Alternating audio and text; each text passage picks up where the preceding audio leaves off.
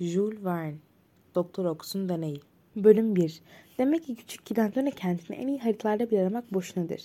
Eski ya da yeni bir Flandra haritasında küçük Kidantone kentini ararsanız bulamamanız olasıdır.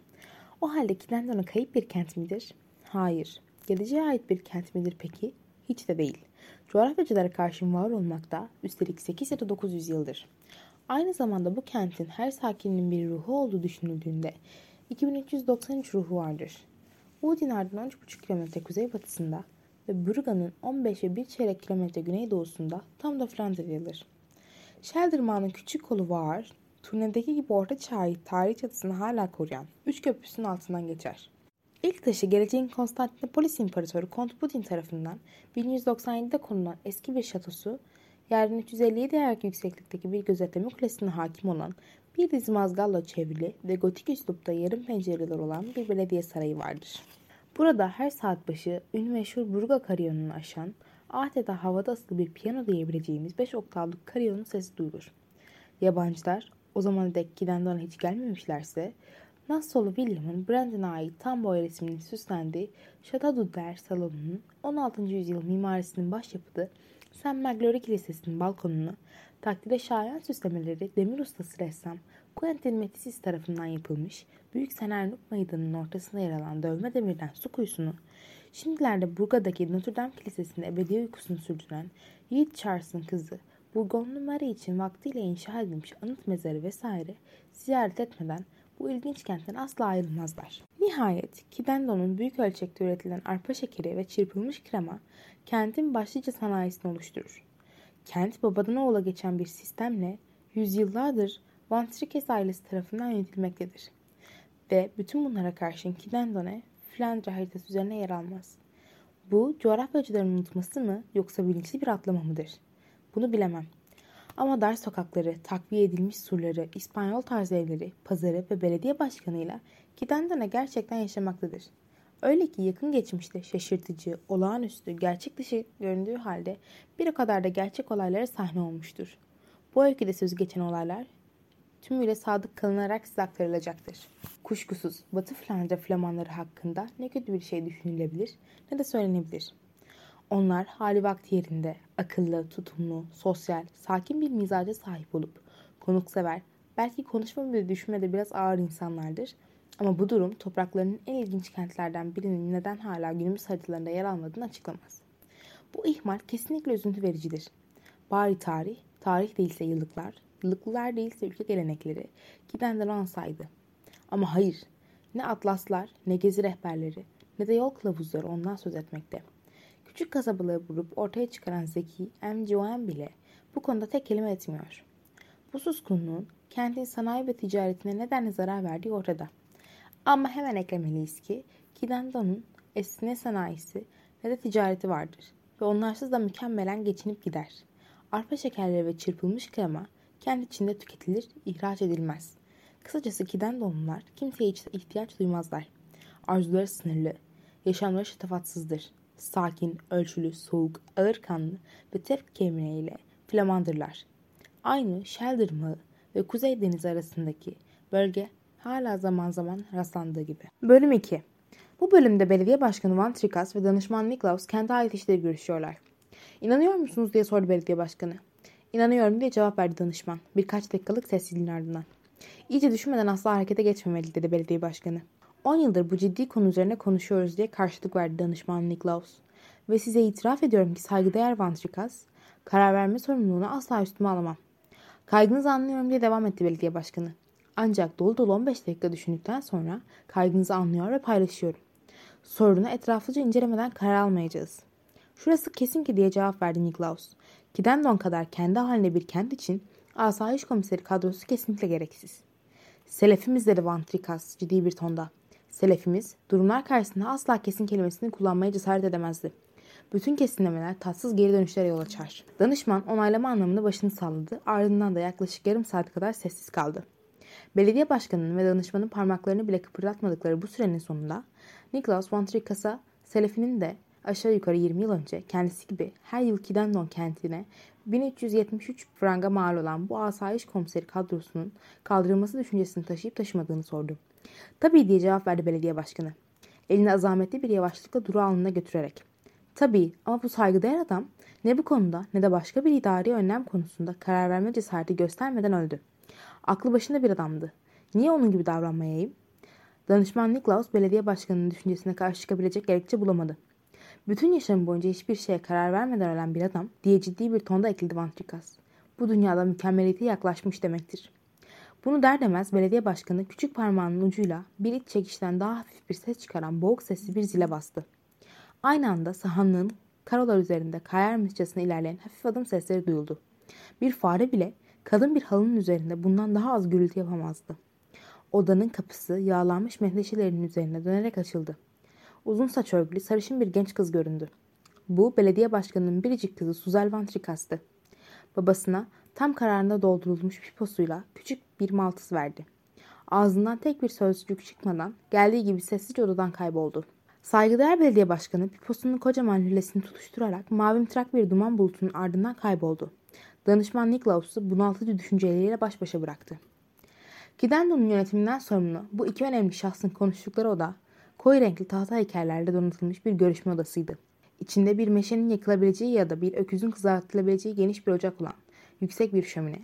Odanın bir duvarını tamamen kaplıyor, karşısında güneşin ışıklarını yumuşakça süzen resimli vitraylarıyla kafesi bir pencere alıyordu. Şöminenin üstünde antika bir çerçeve içinde yaşlı bir adamın portresi duruyordu. Hemling'e mandililen bu portre Seçerelleri 14. yüzyıla kadar uzanan Vantrikasların atalarından birine ait olmalıydı. O çağda Flamanlar ve Guide van Dampierre Habsburg hanedanından gelen İmparator Rudolf'la savaşmak zorunda kalmışlardı. Bu görüşme odası belediye başkanının Kidendo'nun en güzel konutlarından biri olan evinin bir bölümünü oluşturuyordu. Flaman zevkine göre inşa edilmiş ve sivri kemer mimarisini içerdiği bütün sürprizleri değişkenlik, renklilik ve keyiflilik özelliklerini bünyesinde barındıran bu ev, kentin en ufak yapılarının arasında yer alıyordu. Şarut tarikatına ait bir manastır ya da bir sarar ilsizler evi bile bu konut kadar sessiz olamazdı. Burada gürültü duyulmazdı. Yürünmez, kayar gibi gidilirdi. Konuşulmaz, mırıldanılırdı. Bununla beraber kadınlar asla evden eksik olmazlardı. Belediye başkanı Van Tricas'ı saymazsak evde ayrıca karısı bayan Bridget Van Tricas, kızı Suzer Van Tricas ve hizmetçisi Loşe Jansu yer almaktaydı. Belediye başkanının kız kardeşi Herman Sala'yı da aralarına katmak yerinde olurdu. Bu kız kurusu hala yeğeni Suzel'in daha küçük bir kızken kendisine taktığı Tatamas adıyla anılmaktaydı. Bütün bu uyumsuzluk, gürültü ve gevezelik unsurlarına karşın belediye başkanının evi bir çöl kadar sessizdi. Belediye başkanı 50 yaşında, ne kilolu ne zayıf, ne kısa ne uzun, ne yaşlı ne genç, ne renkli ne solgun, ne neşeli ne kederli, ne memnun ne sıkıntılı, ne hareketli ne cansız, ne kendini beğenmiş, ne alçak gönüllü, ne iyi ne kötü, ne cömert ne cimri, ne cesur ne ödlek, ne fazla ne eksik. Her yönden ölçülü bir insandı.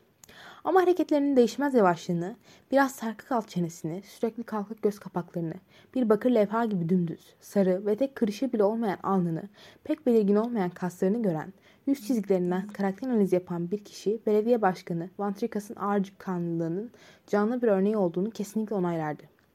Asla herhangi bir heyecan bu adamın kalp atışını hızlandırmamış, yüzünü kızartmamıştı. Göz bebekleri anlık bir öfkenin etkisiyle bile hiçbir zaman küçülmemişti. Her zaman ne çok bol ne çok dar, asla esklemediği esaslı giysiler giyerdi. Üç kat tabanlı, köşeli ve gümüş tokalı geniş ayakkabılarla gezer, onları kullanma süresinin uzunluğuyla ayakkabıcısının umutsuzluğunda sürüklerdi. Başına taktığı koca şapka, Flandr'ın Londra'dan kesin olarak ayrıldığı döneme aitti ve bundan anlaşıldığı gibi bu kutsal başlık 40 yıllık bir geçmişe sahipti. Ama elden ne gelir? Ruh kadar bedeni de, beden kadar giysileri de yıpratan heyecanlardır ve bizim duygusuz, uyuşuk, kayıtsız kaygılar belediye başkanımız hiçbir şeye karşı coşku duymazdı. Yıpranmaz ve yıpratmazdı. Bu yüzden de Kidanto'nu ve onun dingin sakinlerini yönetebilecek yegane insanın kendisi olduğuna inanılırdı. Gerçekten de kent de Vantrikas'ın evi kadar sakindi. Bu sessiz sakin konutta belediye başkanı karısının iyi yürekli bayan Bridget Vantrikas'ın 60 yıldır yeryüzünde taşıdığı derin sükuneti kesinlikle bulamayacağı mezarına kendi kendisinden öncesinde gittiği gördükten sonra bile insan yaşamının en ulaşılmaz sınırlarına varmayı ummaktaydı. Bu durum bir açıklama gerektiriyor. Vantrikas ailesi, Geneto ailesi adıyla anmak yerinde olur. Bakın niye. Herkes bu özgün kişinin bıçağının yıprandığı zaman sapını, işe yaramadığı zaman ağzının dişi değiştirdikten ibaret olan ve sürekli yenilenen çifte işlem sayesinde sahibi kadar ünlü ve az aşınır olduğunu bilir. Doğanın da biraz tuhaf bir hoşgörüyle işin içine karıştığı Vantrikas ailesinde uzun bir süredir aynen uygulanan işlem şöyleydi. 1340'tan beri Vantrikas ailesinden dul bir erkek yine kendi ailesine mensup kendinden genç bir kızla o genç kız dul kalınca yine aileden ve kendisinden genç, daha genç bir erkekle evlenir. Erkek de dul kalınca ve bu böylece değişmeksizin sürer giderdi. Sırası gelen mekanik bir düzene uygun olarak ölürdü. Saygıdeğer Vantrikas da ikinci kocasıyla evliydi ve görevlerinden kusur etmeksizin kendisinden 10 yaş genç kocasından önce öbür dünyaya göçmeli ve yeni bir Vantrikas kadına yol açmalıydı. Saygıdeğer belediye başkanı da aile geleneklerini bozmamak için buna güveniyordu. Kapıların gıcırdamadığı, camların titremediği, parkelerin ses çıkartmadığı, şöminlerin gürüldemediği, rüzgar güllerinin dönerken ötmediği, mobilyaların çatırdamadığı, kilitlerin tıkırdamadığı, ev sahiplerinin gölgelerinden daha fazla gürültü yapmadığı, sakin ve sessiz olan bu ev böyleydi işte. Kutsal Harpokrates burayı sessizlik tapınağı olarak seçmişti kesinlikle. Bölüm 3 Bu bölümde Komiser Pasov beklenmedik olduğu kadar da gürültülü bir giriş yapıyor. Daha önce size aktardığımız danışman ve belediye başkanı arasında geçen ilginç konuşma başladığında saat öğleden sonra 2.45'ti. Van Trikas bir paket tütünün dörtte birini alabilecek koca piposunu yaktığında ise 3.45'ti ve ancak saat 5.35'te içmeye son verdi. Bütün bu süre içinde muhatapların ikisi de tek kelime etmedi. Her zaman hiç konuşmayan ya da üstü kapalı konuşan danışman altıya doğru tekrar konuyu açtı. Şu halde kararımız hiçbir karar almamak diye cevap verdi belediye başkanı. Sonuç olarak haklı olduğunuzu düşünüyorum Vantrikas. Ben de öyle düşünüyorum Niklaus. Asayiş komiseri konusu daha çok aydınlandığında bir karar alırız. Daha sonra, bir aydan önce olamaz. Hatta bir yıldan önce bile diye karşılık verdi Niklaus. Mendili çıkarıp mükemmel bir kibarlıkla kullanarak. Tam bir saat süren yeni bir sessizlik oldu. Bu yeni konuşma molasını hiçbir şey hatta kibarca odaya bir tur atmaya gelen arkanlıkta sahibinden aşağı kalmayan evin köpeği terbiyeli Lento bile kesintiye uğratamadı. Asil köpek. Kendi türünün en iyi örneği. Patilerinde küçük tekerleri olan mukavvadan yapılmış bir köpek olsa ziyareti boyunca bundan daha az gürültü yapamazdı. Sekize doğru Loçe buzu camlı antika lambayı getirdikten hemen sonra belediye başkanı danışmana şöyle dedi.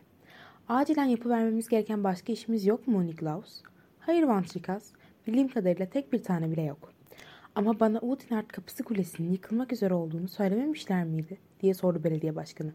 Gerçekten de diye cevap verdi danışman. Doğrusu bir gün yoldan geçen bir nezerse hiç şaşırmam. Ya dedi belediye başkanı. Böyle bir felakete uğramadan önce umarım bu kule konusunda bir karara varırız. Umarım Vantrikas. Çözümlenmesi gereken daha acil konular var. Şüphesiz diye cevap verdi danışman. Deri pazarı sorunu örneği. Hala yanmaya devam ediyor mu diye sordu belediye başkanı. Evet, üç haftadan beri. Mecliste yanmaya bırakma kararı almamış mıydık? Evet Vantrikas, bu sizin önerinizdi. Bu yangın üstesinden gelmenin en kesin ve en basit yolu bu değil miydi? Kuşkusuz. Öyleyse bekliyoruz. Hepsi bu mu? Hepsi bu diye cevap verdi danışman. Bir yandan önemli bir işi unutup unutmadığından emin olmak istermiş gibi alnını kaşıyordu. Ah dedi belediye başkanı. Aşağı sen Yaküs mahallesini sular altında bırakma tehlikesi yaratan bir su kaçağından söz edildiğini duymadınız mı? Doğru diye cevap verdi danışman. Ayrıca bu su kaçağının deri pazarının üstünde olmaması da üzüntü verici. Yangının kontrol altına alınmasına yarayabilirdi ve bu durum bizi tartışma zahmetinden de kurtarırdı. Elden ne gelir Niklaus diye karşılık verdi saygıdeğer belediye başkanı. Kazalar kadar mantık dışı bir şey yoktur. Aralarında hiçbir ilişki yok ve ne kadar istenirse istensin, birini yatıştırmak için diğerinden yararlanılamıyor maalesef. Muhatabı ve dostunun Van Trikas'ın bu eşsiz gözleminin tadına varabilmesi için belli bir sürenin geçmesi gerekti. Fakat dedi zaman bir zaman sonra danışman Niklaus. Büyük sorunumuzu konuşmadık daha. Hangi büyük sorun? Öyleyse büyük bir sorunumuz daha mı var? diye sordu belediye başkanı. Şüphesiz kentin aydınlatmasıyla ilgili. Ah evet diye cevap verdi belediye başkanı. Hafızam beni yanıltmıyorsa Doktor Ox'un aydınlatma planından söz ediyorsunuz. Kesinlikle. Ee peki? İlerliyor Niklaus dedi belediye başkanı. Şimdiden boruların yerleştirilmesine başlandı ve fabrika bütünüyle tamamlandı. Belki de bu işte biraz acele ettik diye karşılık verdi danışman başını sallayarak. Belki de dedi belediye başkanı. Ama özrümüz şu ki Doktor Ox deneyinin bütün masraflarını kendi karşılıyor. Dolayısıyla cebimizden tek bir kuruş çıkmayacak. Gerçekten de bu bizim özrümüz. hem sonra çağa ayak uydurmak gerek. Eğer deney başarıya ulaşırsa Kidendon Flandr'ın Ox adı neydi? Şu gazla aydınlatılan ilk kent olacak. Oksidrik gazı. Oksidrik gazı için ileri öyleyse. Bu, bu sırada kapı açıldı ve Loche belediye başkanına akşam yemeğinin hazır olduğunu bildirdi. Danışman Niklaus bunca alınmış karar ve bunca görüşülmüş sorunun ardından iştahı açılan Van Trikas'tan ayrılmak için ayağa kalktı. Sonra gerçekten acil olan Udiner Kulesi sorunu ile ilgili geçici bir karar alınıp alınmayacağına karar vermek amacıyla ileri gelenler meclisinin oldukça ileri bir tarihte toplanması için anlaşmaya varıldı. İki saygıdeğer yönetici birbirlerini uğurlayarak sokağa açılan kapıya doğru yöneldiler. Sahanlığa varan danışman, Kidendo'nun karanlık sokaklarında kendisine yol göstermesi için küçük bir fener yaktı. Doktor Ox'un aydınlatması henüz bu sokakları ışıtmamıştı. Gece zifiri karanlık ve aylardan ekimdi. Kent hafif bir sisle örtülmüştü. Danışman Niklaus'un gidiş hazırlıkları tam bir çeyrek saati aldı. Çünkü fenerini yaktıktan sonra birbirine eklenmiş inek derisinden koca nalınlarını ayağına geçirmek ve koyun derisinden kalın eldivenlerini giymek zorundaydı. Sonra redingotunun kürklü yakasını kaldırdı, şapkasını gözlerinin üstüne indirdi. Karga burunlu ağır şemsiyesini sıkı sıkı tutarak çıkmaya hazırlandı. Efendisine ışık tutan Loche tam kapının sürgüsünü çekerken dışarıda beklenmedik bir gürültü koptu. Evet, inanılmaz bir şey, bir gürültü. 1513'te İspanyolların kuleyi ele geçirdiklerinden bu yana kentte kesinlikle duyulmamış gerçek bir gürültü. Korkunç bir gürültü vantrikasların derin bir ülkeye dalmış eski evlerinde yankılandı. O zaman dek hiçbir sert darbeyle karşılaşmamış bu kapıya şiddetle vuruluyordu. Güçlü bir el tarafından kullanılan budaklı bir sopa olma ihtimali yüksek, zedeleyici bir aletle arka arkaya darbeler iniyordu kapıya. Darbelere bağırışlar ve bir çağrı karışıyordu. Açık seçik şu kelimeler duyulmaktaydı. Bay Van Trikas, Sayın Belediye Başkanı, açın, açın çabuk. Belediye başkanı ve danışman tamamen sersemlemiş bir halde tek kelime etmeden birbirine bakıyorlardı. Bu durum onların düş gücünü aşıyordu. Şatonun 1385'ten beri kullanılmayan emektar Kulevrin topu görüşme odasında ateşlenmiş olsaydı Vantrikas evinin sakinleri bundan daha fazla aptal dönemezlerdi. Aptal kelimesini kullandığım için beni bağışlayın. Cuk oturduğundan kabalığımın kusuruna bakmayın. Bu arada darbeler, bağırışlar ve seslenmeler artıyordu. Loche yeniden soğukkanlılığına bürünerek konuşmaya cesaret etti. Kim var orada diye sordu. Benim ben. Siz kimsiniz? Komiser Pasov. Komiser Pasov 10 yıldır memurluk kadrosunun kaldırılması düşünülen sorun olan kişi. Ne oluyordu? Burgonlular 14. yüzyıldaki gibi Kidenton'a mı istila etmişlerdi? Ancak böylesine önemli bir olay sükunet ve ağırkanlılıkta belediye başkanından aşağı kalmayan komiser Pasov'u bu kadar heyecanlandırabilirdi. Van Trikas'ın bir işaretiyle çünkü saygıdeğer belediye başkanının ağzından bir tek sözcük çıkmıyordu. Sürgü çekildi ve kapı açıldı. Komiser Pasov kendi sofaya attı. Fırtına gibiydi. Ne oldu komiser bey diye sordu. En zor anlarda bile soğukkanlılığını yitirmeyen yiğit kız Loçe. Olan şu ki diye karşılık verdi Pasov. Kocaman gözleri gerçek bir telaşı yansıtıyordu. Doktor Oks'un evinden geliyorum. Bir ziyafet vardı orada. Orada diye sordu danışman.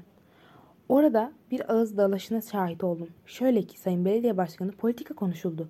Politika diye tekrar etti Vantrikaz peruğunu kabartarak. Politika diye sözünü sürdürdü komiser Pasov. Ki belki yüzyıldır Kidendon'da yapılmamıştı bu. Tabii tartışma büyüdü. Avukat Andres Schut ile Doktor Dominik Kustos kendilerini belki de düelloya sürükleyecek şiddetle karşılıklı suçlamalarda bulundular. Duello diye haykırdı danışman. Bir düello. Kidendon'da bir düello. Peki avukat Schut ve Doktor Kustos birbirlerine ne dediler? Aynen şöyle. Sayın avukat dedi doktor rakibine. Biraz ileri gidiyorsunuz gibime geliyor ve kullandığınız kelimeleri tartmıyorsunuz. Belediye başkanı Vantrikas ellerini kavuşturdu. Danışman sarardı ve fenerini düşürdü. Komiser başını salladı. Kentin iki ileri geleni tarafından dile getirilen kesinlikle tahrik edici bir cümle. Bu doktor Kustos diye mırıldandı Vantrikas. Kesinlikle tehlikeli bir adam. Gözü dönmüş biri. Gelin beyler. Ve bunun üzerine danışman Niklos ve komiser belediye başkanı Van Trikas'la birlikte görüşme odasına girdiler. Bölüm 4 Doktor Ox'un birinci sınıf bir fizyolojist ve gözü pek bir deney adamı olduğu ortaya çıkıyor. Doktor Ox gibi garip bir adla anılan bu kişi kim peki? Kesinlikle tuhaf biri. Ama aynı zamanda gözü pek bir bilgin, çalışmaları bütün Avrupa bilim dünyasınca bilinen ve takdir edilen bir fizyolojist. Fizyolojiyi modern bilimlerin ilk sırasına taşıyan Daviler, Daltonlar, Bostocklar, Menzisler, Godwin'ler, Weyerhaeuse'lar gibi büyük beyinlerin üstün bir rakibi. Doktor Ox topluca ve orta boylu bir adamdı. Yaşına gelince yaşını kesilmek oldukça zordu, uyruğunu da. Zaten bunun pek bir önemi yok. Onun Hoffman'ın bir eserinden fırlamış gerçek bir eksantrik ve hiç kuşkusuz. Kidendon sakinleriyle gülünç bir tezat oluşturan, sıcakkanlı ve coşkulu, garip bir insan olduğunu bilmek yeterli. Kendine ve doktrinlerine sarsılmaz bir güveni vardı. Sürekli gülümseyen, yüzü, başı dik, omuzları gevşek bir halde rahat ve özgürce yürüyüşü, kendine emin bakışları, geniş burun delikleri, havayı derin derin soluyan büyük ağzıyla insanların hoşuna giden bir adamdı. Hayat dolu, canlıydı. Vücudun her bir parçası birbiriyle uyumluydu. Damarlarında civa ve ayaklarının altından yüzlerce iğne varmış gibi kıpır kıpırdı. Bu yüzden yerinde duramazdı. Hızlı hızlı konuşur, gereğinden fazla el kol hareketi yapardı. Bu Doktor Ox, bütün bir kentin aydınlatmasının masrafını karşılayacak kadar zengin miydi peki? Bunca harcamayı üstlendiğine göre muhtemelen öyleydi. Bu yersiz soruya verebileceğimiz tek cevap bu. Doktor Ox, Kidendan'a 5 ay önce Gedon Yang adında uzun, kara kuru, zayıf, kibirli ama en az hocası kadar hayat dolu olan asistanıyla birlikte gelmişti. Peki Doktor Ox neden kendini aydınlatması için teklif sunmuş ve masrafları üstlenmişti? Neden özellikle kendi halinde yaşayıp giden Kidendonluları, bütün flamanlar arasında bu flamanları seçmişti? Neden olağanüstü bir aydınlatma sisteminin sağlayacağı yararları onların kentinden bahşetmek istiyordu? Bu bahaneyle in anima vili yoluyla bazı büyük fizyolojik deneylere mi gitmek istiyordu? Ne yapmaya çalışıyordu bu tuhaf adam? Bunu bilemiyoruz. Çünkü Doktor Okus'un kendisine körü körüne iyice itaat eden asistanı Yagne dışında sıradaşı yoktu. Hiç olmazsa görünürde Doktor Ox buna büyük ihtiyaç duyan kentini aydınlatması için üstlenmişti. Özellikle geceleri diyordu komiser Pasov akıllıca. Böylece aydınlatıcı gaz üretim amacıyla bir fabrika inşa edilmişti. Gazometreler faaliyete geçmeye hazırdı ve kaldırımların altından geçen sek boruları kısa bir süre sonra kamu binalarında ve hatta ilerleme yanlısı bile belli bazı dostların özel konutlarında lamba şeklinde ışıyacaktı. Belediye başkanı sıfatıyla Van Trikas, danışman sıfatıyla Niklaus ve bazı diğer ileri bu modern aydınlatma sisteminin evlerine girmesine izin vermek gerektiğine inanıyorlardı. Eğer okur unutmadıysa danışman ve belediye başkanı arasında geçen bu uzun konuşma sırasında kentin aydınlatmasının taş kömürünün de damıtılması sonucu üretilen bildiğimiz sıradan metanın yanılmasıyla değil, hidrojen ve oksijenin karışımından oluşan daha yeni ve 20 kat daha parlak oksidrik gazının kullan kullanılmasıyla sağlayacağı dile getirilmişti. Yetenekli bir kimyager ve dahi bir fizikçi olan doktor, bu gazın Monsieur Tessi'de Motay'ın sodyum manganat kullanımı üzerine kurduğu yönetimini izleyerek değil, kendisinin icat ettiği ve yeni parçalardan oluşan bir pil yardımıyla hafif asitlenmiş suyu ayrıştırarak büyük miktarlarda ve ucuz üretebiliyordu. Böylece bu iki gazı ayrı ayrı üretmek için ne kadar pahalı maddelere, ne platine, ne karniye, ne yakıta ne de hassas aletlere ihtiyaç vardı. Elektrik akımı su dolu büyük kapların içinden geçiyor ve sıvı, oksijen ve hidrojen olarak kendisini oluşturan iki maddeye ayrışıyordu. Oksijen bir yana, hidrojen eski ortağının iki katı hacminde öbür yana gidiyordu. Her iki gaz ayrı haznelerde toplanmaktaydı. Bu önlemin alınması zorunluydu çünkü karışımları alev alırsa korkunç bir patlama meydana gelirdi. Sonra borular onları ayrı ayrı her türlü patlamayı önlemek amacıyla düzenlenen çok sayıdaki beklere ulaştıracaktı. İşte o zaman dikkat çekecek kadar parlak, parlaklığı elektrik ışığınınkiyle yarışan ki zaten herkes bilir, Kasselman'ın deneylerine göre 1171 mümküne eşit eski bir eksik ne bir fazla bir alev görüntüleyecekti.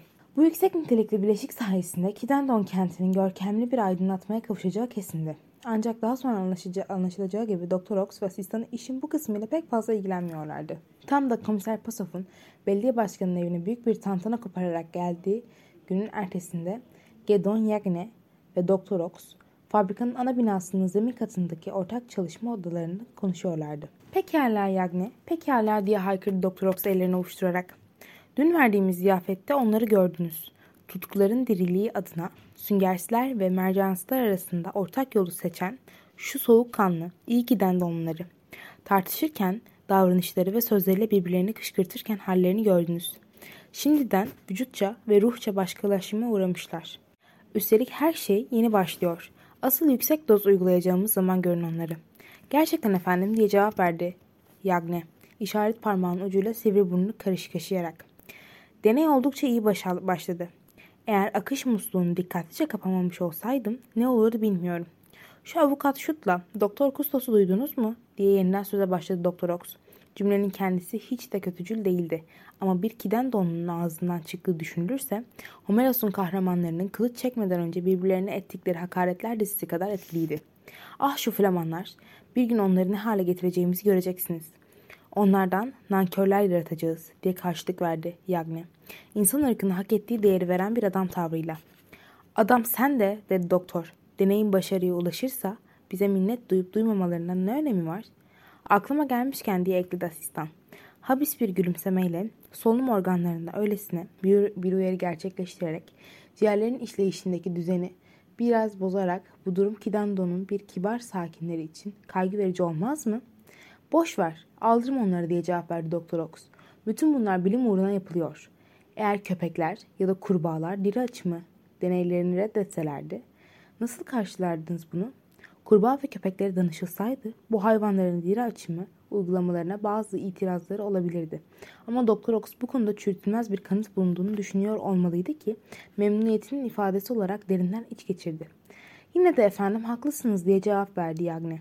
İkna olmuş bir tavırla. Bu Kidendon sakinlerinden daha iyisini bulamazdık.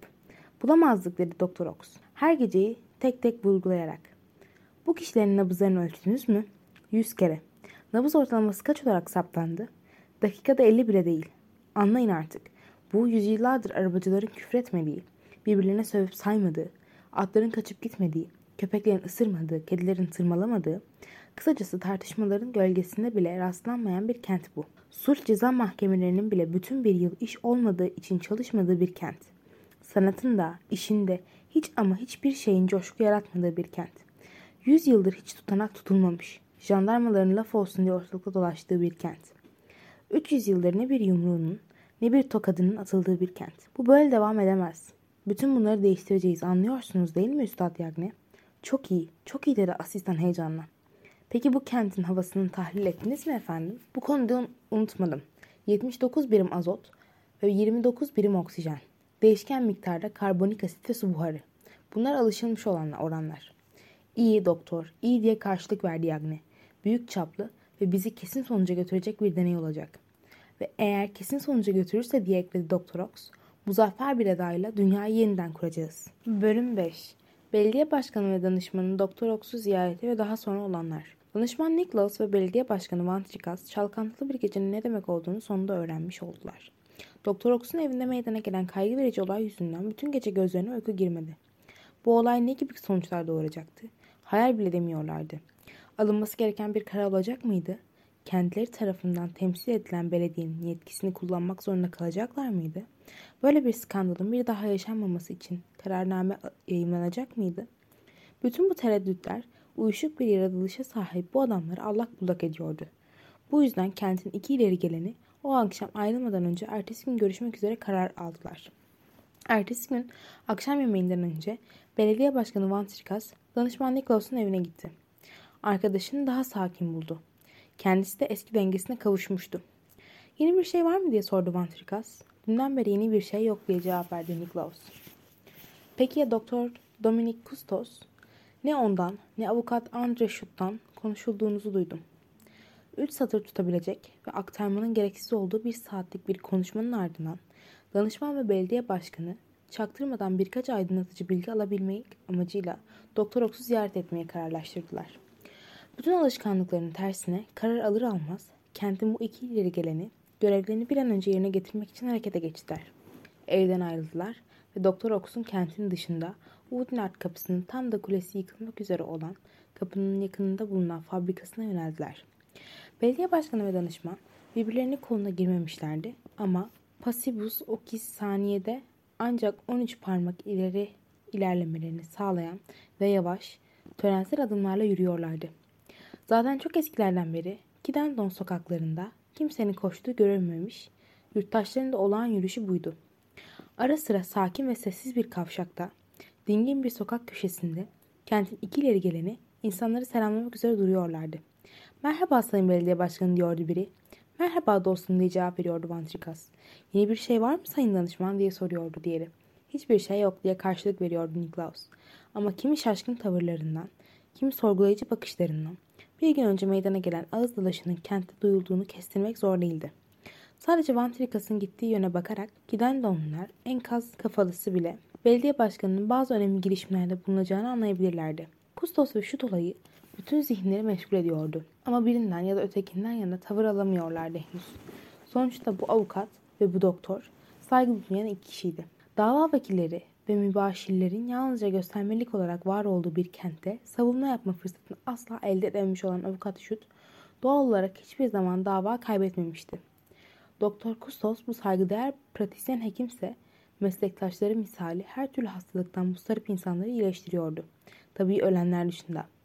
Bazı ülkelerin bütün tıp kurumlarının bütün üyelerinin edindiği can sıkıcı bir alışkanlık.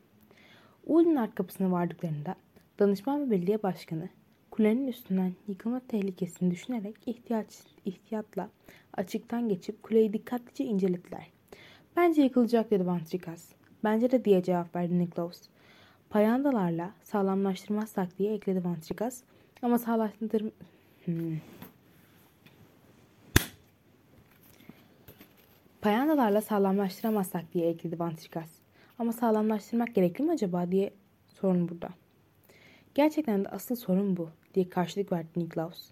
Birkaç dakika sonra fabrikasının kapısına ulaştılar. Doktor Ox müsait mi acaba diye sordular. Doktor Ox kentin ileri gelen görüşmek için her zaman müsaitti. Dolayısıyla bizimkiler hemen ünlü fizyolojisinin odasına alındılar. Kentin iki ileri geleni belki de tam bir saat doktorun gelmesini beklediler. En azından bu kadar beklediklerini varsaymak yerinde olur. Çünkü belediye başkanı arkadaşı gibi oldukça sabırsız görünüyordu. Hayatında hiç böyle bir şey başına gelmemişti. Doktor Ox nihayet odaya girdi ve ilk iş olarak bu beyleri beklettiği için özür diledi. Ama onaylayacak bir gazın... Hmm. Doktor Ox nihayet odaya girdi ve ilk olarak bu beyler, beyleri beklettiği için özür diledi. Ama onaylanacak bir gazometre planı ve onarılacak bir bağlantı kolu söz konusuydu. Neyse ki her şey yolundaydı. Oksijen boruları şimdiden döşenmişti. Bir iki ay içinde kent görkemli bir aydınlatmayla donatılacaktı. Kentin iki ileri gelenin doktorun odasına kadar gelen boruların ağızlarını şimdi bile görebilirlerdi. Sonra doktor kendisini belediye başkanı ve danışmanı odasına kabul etme onuruna eriştiren nedeni öğrenmek istedi. Sizi görmek doktor, sizi görmek diye cevapladı Vantrikas. Uzun zamandır bu zevkten mahrum kalmıştık.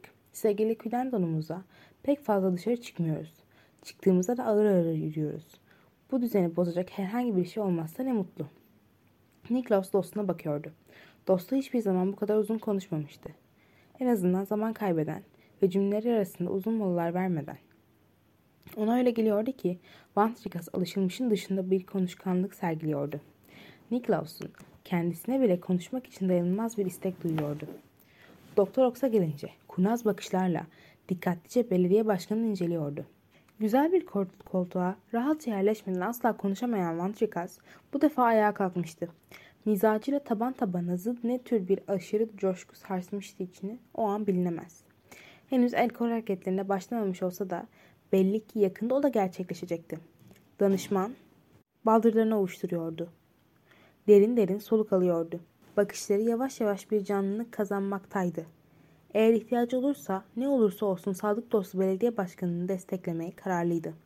Vantrikas ayağa kalkmış birkaç adım atmış yeniden doktorun karşısındaki yerine dönmüştü. Peki kaç ay içinde diye sordu hafifçe vurgulu bir tonda. Sizce kaç ay içinde çalışmalarınız sonuçlanır? 3 ya da 4 ay içinde Sayın Belediye Başkanı diye cevap verdi Doktor Ox. 3 ya da 4 ay oldukça uzun bir süre dedi Vantrikas. Hem de çok uzun diye de ekledi. Yerine duramayan ve kendisi de ayağa fırlayan Niklaus. İşlerimizi tamamlayabilmemiz için biz bu süre bize gerekli diye karşılık verdi doktor. Giden de onlar arasında seçmek zorunda kaldığımız işçiler pek eli çabuk değiller.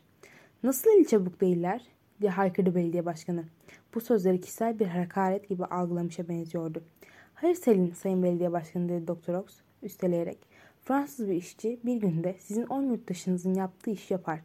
Biliyorsunuz bunlar katıksız Flamanlar. Flamanlar diye haykırdı danışman Niklaus yumruklarını sıkarak.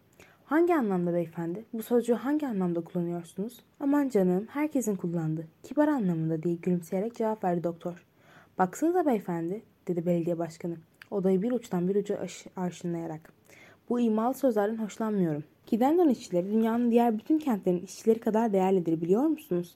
Ne Paris'ten ne, ne de Londra'dan örnek almanıza gerek var.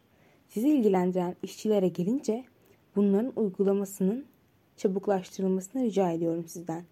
Yollarımız kaldırımları, sevk borularının yerleştirilmesi amacıyla söküldü ve bu durum trafik için sorun oluşturuyor. Tüccarlar er geç şikayet etmeye başlayacak ve ben sorumlu yönetici olarak fazlasıyla haklı gerekçeleri olan bu sistemlere maruz kalmak istemiyorum.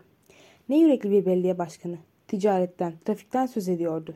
Alışık olmadığı bu sözcükler dudaklarını uçuklatar, uçuklatmıyor muydu? Ne oluyordu ona böyle? Zaten diye ekledi Niklaus. Kent uzun bir süre daha aydınlatmadan yoksun kalamaz. Oysa dedi Doktor Ox. 8 ya da 900 yıldır bekleyen bir kent bu. Alın size bir sebep daha diye cevap verdi belediye başkanı heceleri vurgulayarak. Zaman sana uymuyorsa sen zamanı uy. Gelişme devam ediyor ve biz geride kalmak istemiyoruz. Bir aydan önce yollarımızın aydınlatılmasını istiyoruz. Ya da her gecikilen gün için yüklü bir tazminat ödersiniz. Ya karanlıkta bir kargaşa çıkarsa ne olur düşündünüz mü? Şüphesiz diye haykırdı Niklaus.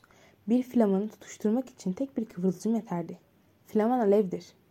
Bu konuda dedi belediye başkanı, dostunun sözünü keserek, belediye zabıtasının şefi komiser Pasov dün akşam sizin salonunuzda bir tartışmanın gerçekleştiğini iletti bize doktor bey. Bunun politik bir tartışma olduğunda yanılıyor muyum yoksa? Hiç de değil belediye başkanı diye cevap verdi hoşnutlukla iç geçirdiğini saklamakta zorlanan Doktor Ox. Peki Doktor Dominik Kustos ile avukat Andre Schut arasında bir ağız alış gerçekleşti mi? Evet sayın danışman. Ancak birbirlerine karşı kullandıkları ifadeler hiç de kaygı verici değildi. Kaygı verici değilmiş diye haykırdı belediye başkanı. Birinin bir diğerine sözlerinin nereye varacağını düşünmediğini söylemesine kaygı duyacak bir şey görmüyor musunuz öyle mi? Ama siz hangi çamurdan yoğrulmuşsunuz beyefendi? Kidendon'da son derece üzücü sonuçların ortaya çıkması için daha fazlasına ihtiyaç olmadığını bilmiyor musunuz? Fakat beyefendi, siz ya da bir başkası benimle bu şekilde konuşmakta sakınca görmeseydi ve benimle de diye ekledi danışman Niklaus. Tehditkar bir tonda bu sözleri söyleyen iki hatırlı zat kollarını kavuşturmuş, saçları diken diken olmuş, Doktor Ox'a dik dik bakıyorlardı. Bırakın tek bir hareketini, kendilerince ters bir niyet ifade eden bir bakışa bile Doktor Ox'a saldırmaları için yeterliydi. Ama doktor istifini bozmadı. Her halükarda beyefendi diye yeniden söze başladı belediye başkanı. Evinizde olup bitenin sorumluluğu size aittir. Ben bu kentin huzurunun teminatıyım ve bu huzurun bozulmasını da istemiyorum. Dün yaşanan olaylar bir daha tekrarlanmamalı. Yoksa görevimi yapmak zorunda kalırım beyefendi. Anladınız mı? Cevap versenize beyefendi. Bu konuşma sırasında aşırı derecede heyecanlanan belediye başkanının sesi öfkeli bir tonda çıkmaya başlamıştı. Saygıdeğer Vantrikas oldukça kızgındı ve kesinlikle söyledikleri dışarıda duyulmuş olmalıydı. Nihayet doktorun kendi kışkırtmalarının cevap vermemesi üzerine öfkeden gözlenmiş bir halde ''Gelin Niklaus'' dedi ve kapıyı evi sarsan bir şiddetle çarparak danışmanı peşi sıra sürükledi. Bu iki saygıdeğer insan kendi dışında 20 adım kadar attıktan sonra yavaş yavaş sakinleşti. Yürüyüşleri yavaşladı, tavırları değişti. Yüzlerindeki ateş söndü. Renkleri kırmızıdan tekrar pembeye dönüştü. Fabrikayı terk ettikten bir çeyrek saat sonra Van Trikas danışman Niklaus'a usulca şöyle diyordu. Ne kibar bir adam şu Doktor Ox. Onu her zaman büyük bir zevkle ziyaret edeceğim. Bölüm 6 Franz Niklaus ve Suzel Van gelecekle ilgili planlar yapıyorlar. Okurlarımız belediye başkanının Bayan Suzel adına bir kız olduğunu biliyor. Ama ne kadar kavrayışlı olurlarsa olsunlar, danışman Niklaus'un da Bay Franz adına bir oğlu olduğunu tahmin edemezlerdi. Diyelim ki tahmin ettiler. Yine de Frans'ın Suzel'in nişanlısı olabileceğini düşünmelerine yol açabilecek hiçbir ipucu yoktu ortada. Hemen eklemeliyiz ki bu iki genç insan birbirleri için yaratılmışlardı ve birbirlerini ikiden de onda nasıl sevilirse öyle seviyorlar, seviyorlardı. Bu istisnai kentte genç kalplerin çarpmadığını düşünmek yanlış olur. Sadece belli bir yavaşlıkla çarpıyorlardı. Dünyanın bütün diğer kentlerindeki gibi orada da evleniliyordu. Ama uzun bir süre bekledikten sonra. Bu ürkütücü ilişkilere girmeden önce nişanlılar birbirlerini incelemek istiyorlardı ve bunun için gerekli araştırmalar aynı kolejdeki gibi en az 10 yıl sürüyordu. Bu sürede önce onay almak nadirdi. Evet 10 yıl. 10 yıl boyunca birbirlerinin kalplerini fethetmeye çalışıyorlardı. Birine bir yaşam boyu bağlanmak söz konusu olduğunda Bu süreye gerçekten uzun denilebilir mi? Mühendis ya da doktor, avukat ya da valilik danışmanı olabilmek için 10 yıl eğitim görüntüsünde biriyle evlenmek için onunla ilgili gerekli bilgileri edinmek bundan daha az zaman aslında bu durum kabul edilecek şey değil. Olaya denge ya da mantık sahip meselesi olarak bakarsak giden donlar araştırmalarını böylesine uzatmakta bizce haklılar. İnsanların başına buyruk yaşadığı ve ateşli olduğu diğer kentlerde birkaç ay içinde gerçekleştirilen evlilikler görüldüğünde omuz silkmeli, oğulları koleje, kızları ise Kidendon yurduna göndermekte acele etmeli. Yarım yüzyıldır iki yıl içinde gerçekleşen yalnızca bir evlilik görülmüştü ve o da az kalsın bozulacaktı. Franz Niklaus da Susan van Tricas'ı seviyordu. Ancak sessiz sedasız, dingin bir şekilde. Sevilen nesneye kavuşmak için önünde 10 yıl varken nasıl sevilirse işte öyle. Haftada bir kez ve kararlaştırılmış bir saatte Franz Suzel'i alıp Boğar kıyılarına götürüyordu. Oltasını her zaman yanında getirmeye özen gösteriyordu ve Suzel de o güzelin parmaklarıyla eline alınmaz çiçekleri işlediği kanaviçesini almayı kesinlikle unutmuyordu. Burada Frans'ın 22 yaşında, yüzün hafif ayva tüyleri olan ve nihayet sesi bir oktavdan diğerine henüz inmiş genç bir adam olduğunu belirtmeliyim. Suzel ise pembe beyaz bir kızdı. 17 yaşındaydı ve oltayla balık tutmaktan hiç de nefret etmiyordu. Yine de insanı küçük bir tekir balığıyla kurnazca mücadele etmek zorunda bırakan bu meşguliyet ona komik geliyordu. Ama Franz, yaratılışına uygun bu eğlenceli işi seviyordu. Olunabilecek kadar sabırlı, dalgın bir gözle mantar tıpanın suyun üzerinde oynamasını izlemekten zevk alarak bekliyordu ve 6 saatlik bu sürenin ardından ona acıyan, çekingen bir tekir kendisini tutmasına izin verince mutlu oluyor ama coşkusunu bastırmayı becerebiliyordu. O gün de iki yavrulu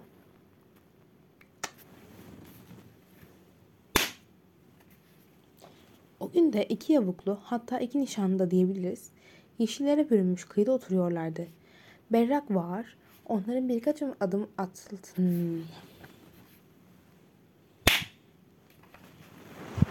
O gün de iki yavuklu hatta iki nişanlı da diyebiliriz. Yeşillere bürünmüş kıyıda oturuyorlardı. Berrak var onların birkaç adım altında çağlıyordu. Suzel gevşek gevşek kanaviçesini işliyor. Franz oltasını soldan sağa geçiriyor ve ardından akıntının etkisiyle bu kez sağdan sola kaymasına izin veriyordu. Tekirler suda, tıpanın etrafında birbiriyle kesişen oynak halkalar oluştururken olta iğnesi daha altta, boşta geziyordu. Ara sıra galiba vuruyor Suzel diyordu Franz gözlerini genç kıza çevirmeden. Sahi mi Franz diye karşılık veriyordu Suzel işini bir süreliğine ihmal ederek. Bir yandan da heyecanla nişanlısının oltasını gözlüyordu. Değilmiş diye ekliyordu Franz. Küçük bir hareket hissettiğini sanmıştım. Yanılmışım. Sonunda yakalanacak Frans diye cevap veriyordu Suzel, pürüzsüz ve yumuşak sesiyle. Ama oltayı zamanında çekmeyi unutmayın. Hep birkaç saniye gecikiyorsunuz ve tekir kaçmak için bu fırsattan faydalanıyor. Oltamı tutmak ister miydiniz Suzel? Seve seve Frans. Öyleyse siz de bana kaneviçenizi verin. Bakalım iğne işinde oltada olduğumdan daha becerikli olabilecek miyim? Genç kız titreyen elleriyle oltaya alıyor.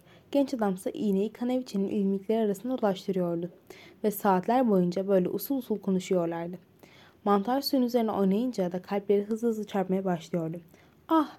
Yan yana oturarak nehrin çağıltısını dinledikleri bu güzel saatleri unutmaları mümkün müydü? O gün güneş çoktan ufuk çizgine, çizgisine yaklaşmış ve Suzel ile Frans'ın bütün ustalıklarına karşın balık oltaya takılmamıştı.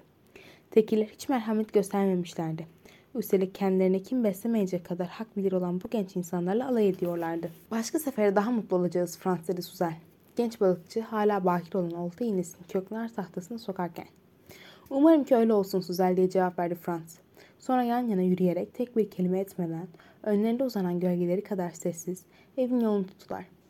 Batan güneşin eğik ışıkları altında Suzel kendini kocaman görüyordu. Frans ise aynı elinden tuttuğu uzun olta gibi incecik duruyordu.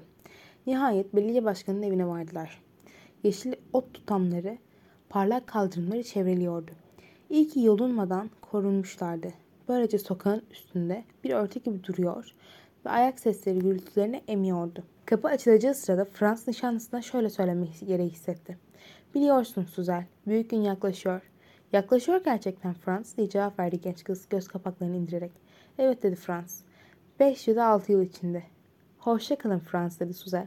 Hoşça kalın Suzel diye karşılık verdi Frans.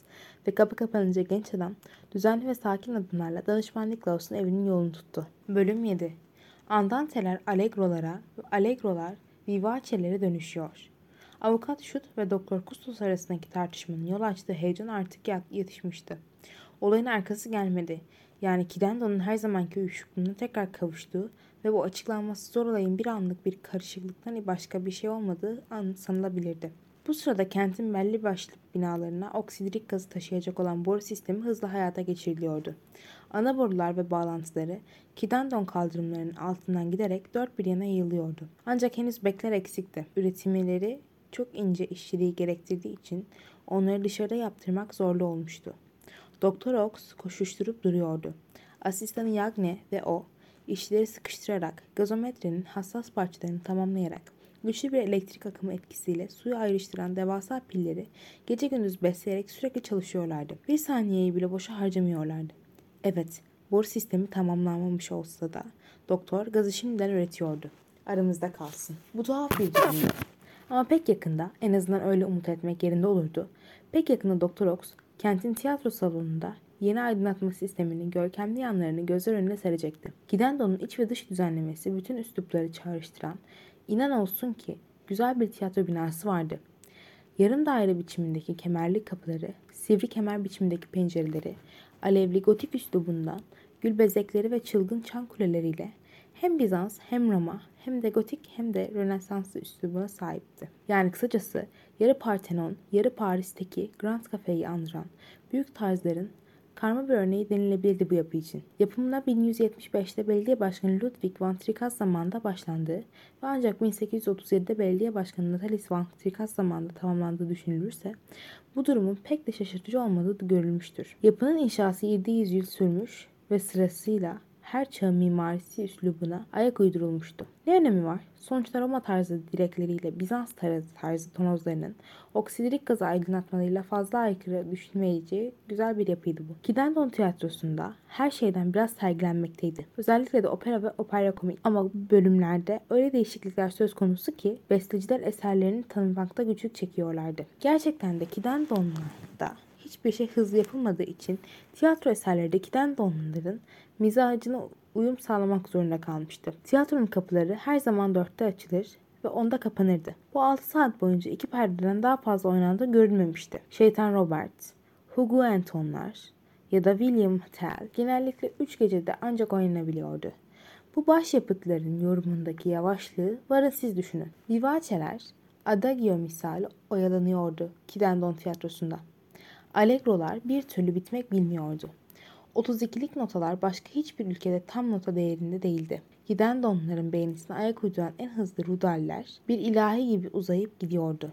Dermansız termolular, diletantiler kulaklarını tırmalamamak için iyice yavaşlıyor, uzadıkça uzuyordu. Bir örnekle özetlemek gerekirse, oyuncu canla başla oynasa bile Figaro'nun hızlı temposu, Sevil Berberi'nin birinci perdesinin girişinde Metronomda 33'ü gösteriyor ve 58 dakika sürüyordu. O da sanatçı rolünü coşkuyla oynadığında. Tabii ki dışarıdan gelen sanatçılar bu usule uymak zorundaydılar. Ama iyi ücret alındıklarında hiç şikayet etmiyor ve Allegro'larda dakikada 8 ölçüden fazla vuruş yapmayan orkestra şefinin bagetine sadakatle ayak uyduruyorlardı. Kidendon sayıncılarını yormadan onları kendilerine hayran bırakan bu sanatçılar ne alkış alıyorlardı ama. Bütün eller uzun aralıklarla birbirine vuruyor ve gazeteler bu haberi çılgın alkışlar diye veriyordu. Bir hatta iki kere şaşkınlıktan dona kalan salon bravo sesleriyle yıkılmadıysa ki bu 12. yüzyılda olmuştu.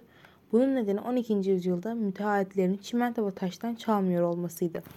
Zaten tiyatro Flamanların bu coşkulu yaratılışlarını daha da körüklememek için perdelerini haftada bir kere açıyordu. Bu da sanatçılara roller üzerine çokça kafa yorma, seyircilere de tiyatro sanatının başyapıtlarının bütün güzelliklerini daha uzun bir süre içlerinde sindirme fırsatı veriyordu. Uzun zamandır işler böylece sürüp gidiyordu. Yabancı sanatçılar başka sahnelerde yaşadıkları yorgunlukları üstlerine atıp dinlenmek istediklerinde Kidendon Tiyatrosu'nun yöneticisiyle bir anlaşma imzalamayı adet edinmişlerdi ve hiçbir şey bu köklü gelenekleri değiştireceğe benzemiyordu.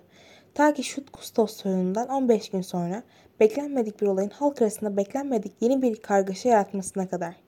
Günlerden cumartesiydi yani opera günü. Tahmin edilebileceği gibi yeni aydınlatmanın açılışı söz konusu değildi henüz.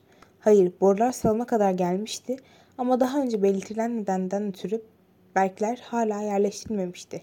Avizenin mumları tiyatroyu dolduran çok sayıdaki seyirciyi her zamanki yumuşak ışıklarıyla aydınlatıyordu.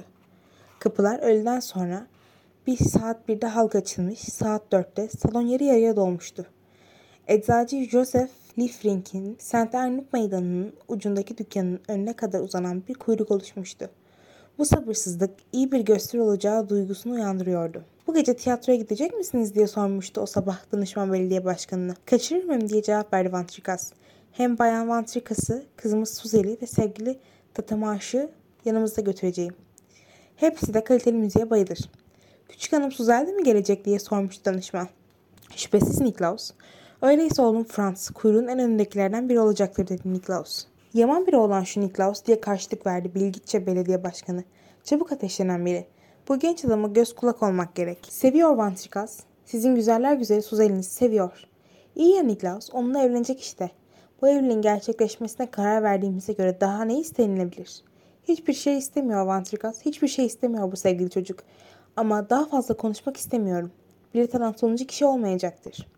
Ah tez canlı ve ateşli gençlik diye sözünü sürdürdü belediye başkanı. Geçmişine gülümseyerek. Biz de böyleydik değerli danışmanım. Biz de sevdik. Zamanında biz de kuyruklara girdik. Akşama görüşmek üzere öyleyse. Bu arada bu Fiverolanti büyük bir sanatçı biliyor musunuz?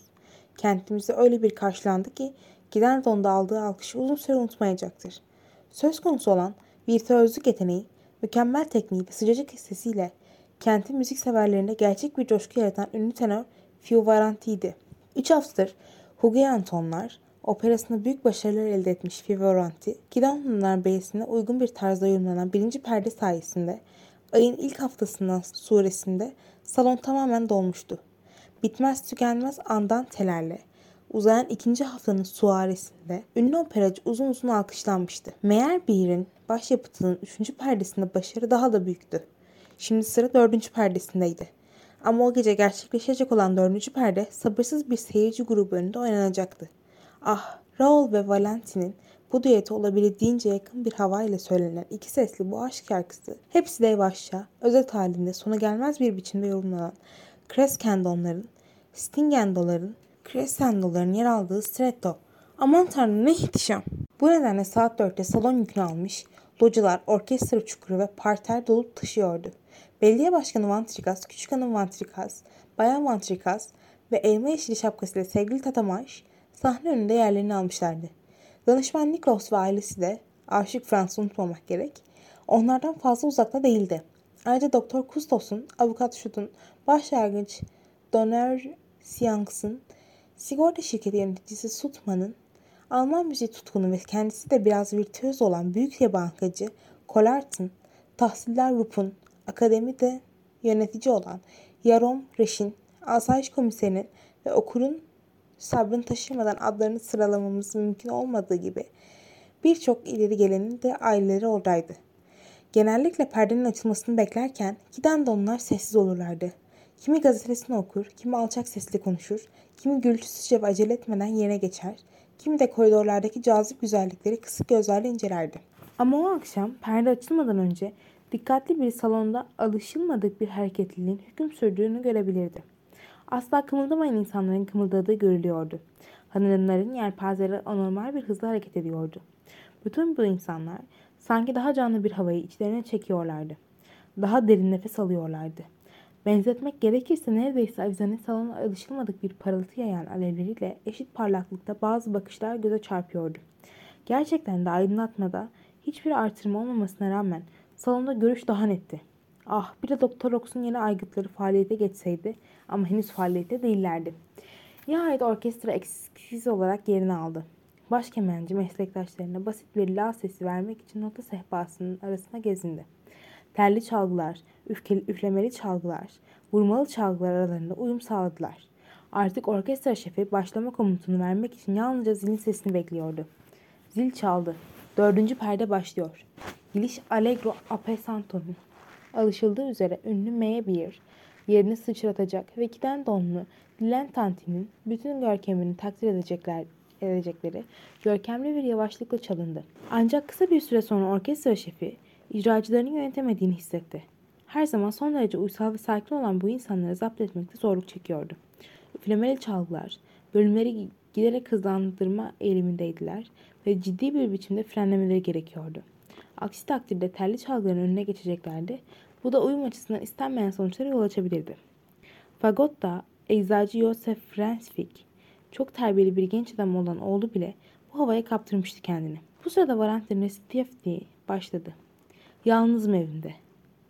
Ama acele ediyordu. Orkestra şefi ve müzisyenler belki de farkında olmadan 12-8'likte olması gerektiği gibi yavaş çalınması gereken kanta bilesinden onu izliyorlardı. Raoul dipteki kapıda göründüğünde Valentin'in ona doğru yöneldiğini anladı. Ona yandaki odaya sakladığı an arasında 15 dakika bile geçmemişti. Oysa ki daha önceleri Kidendon tiyatro geleneğine göre 37 ölçülük bu resitafin tamı tamına 37 dakika sürüyordu. Sam Breeze, Nevers, Cavannes ve Katolik derbe derebeyleri belki de biraz çabuk sahneye girdiler. Besteciye göre bu partisyon Allegro Pompaso olmalıydı. Orkestra ve derebeyleri Allegro'da başarılıydılar ama Pomposo için böyle bir şey söylemek mümkün değildi. Parçanın bütününde komplonun ve hançerlerin kutsanışının ustaca elde alındığı eserde Allegro'yu kurallarına uyarak yavaşlatmadan icra ediyorlardı. Şarkıcı ve müzisyenler ateş gibiydiler. Orkestra şefi onları engellemeyi düşünmüyordu artık. Zaten seyircilerin de böyle bir talebi yoktu. Tersine onların da kendilerini bu akışa kaptırdığını, hatta salonda bir hareketliliğin yaşandığını ve bu hareketliliğin onların ruhlarındaki özlemlere cevap verdiği hissediliyordu. Hortlayan kargaşadan ve tanrı tanımaz bir savaştan ister miydiniz benim gibi kurtarmak bu ülkeyi? Söz veriliyor, ant içiliyor. Nevers, atılar arasında askerlerin olduğunu ama tek bir katilin bile bulunmadığını ileri sürmek ve bunu şarkıyla dile getirmek için ancak zaman buluyor ve tutuklanıyor. Zabıtalar ve belediye meclis üyeleri hemen koşup gelerek hepsini aynı anda cezalandırmak üzere. Sam Breeze, Katolikleri intikam almaya çağıran resitatifini gerçek bir iki dörtlük gibi icra ediyor. Üç keşiş, ellerinde sepetler, başlarında beyaz örtüler, yavaşça ilerlemesini öngören sahne müzisyenini göz ardı ederek ne versin evinin kapısını hızlı çalıp çıkıyorlardı. Hazır bunların hepsi kılıç ve hançerlerini çeker çekmez, üç keşiş bir çırpıda onları kutsuyor. Soprani, tenorlar, basları yaman haykırışlarla Allegro Furisio'ya girişiyorlar ve dramatik bir 6-8'liği 6-8'lik bir kadrile dönüştürüyorlardı. Sonra da bağırtılar eşliğinde sahneyi terk ediyorlar. Gece yarısı. Çıt yok. Tanrı öyle istiyor. Evet gece yarısı. Aynı anda seyirciler ayağa kalkıyor. Localarda, partilerde, balkonda büyük bir hareketlilik var. Başta belediye başkanı Van Trikas olmak üzere bütün seyirciler komploculara katılmak ve dini görüşlerini paylaşmadıkları halde Hugentoları yok etmek amacıyla sahneye fırlamak ister gibiydiler. Alkışlıyor, oyuncuları teker teker sahneye çağırıyor ve sevinç çığlıkları atıyorlardı. Tadamaz coşkuyla elma yeşili şapkasını sallıyor. Salonun ışıkları güçlü bir parlaklıkla yayılıyor. Raoul örtüsü yavaşça kaldırmak yerine gösterişli bir hareketle yırtıyor ve Valentin'le karşı karşıya geliyor. Nihayet işte büyük düet ve Allegro Vivas temposunda sürüyor. Raoul Valentin'in sorularını beklemiyor ve Valentin de Raoul'un cevaplarını. Hayranlık verici geçiş. Tehlike yakındı ve zaman uçup gidiyor. Bazı komplocuları dans ettirmesiyle Offenbank'ın ün kazandıran bu hızlı iki dörtlüklerinden biri haline geliyor. Andante Amoroso. Söyledin. Evet seviyorsun beni. Bir Vivace Furiosa'dan farklı değil artık. Ve violonsel ustanın partisyonunu belirttiğini tersine şarkıcının sesindeki iniş çıkışlara hiç de ayak uydurma kaygısı taşımıyor. Raul boşuna haykırıyor. Yine konuş ve sürdür. Kalbimdeki şu tarifsiz uykuyu. Valentin sürdüremiyor. Sanki alışılmadık bir ateş onu yutuyor. Sileri ve doğları portrenin üstünde korkunç bir gürültülemeyle çalıyor. Raul çırpınıyor. El kol hareketleri yapıyor. Tutuşmuş bir halde. Gözetleme kulesinin çanı duruluyordu. Öyle bir çınlama ki ne de sabırsız bir çan sesi Çalan kişi belli ki kendisini daha fazla tutamıyor.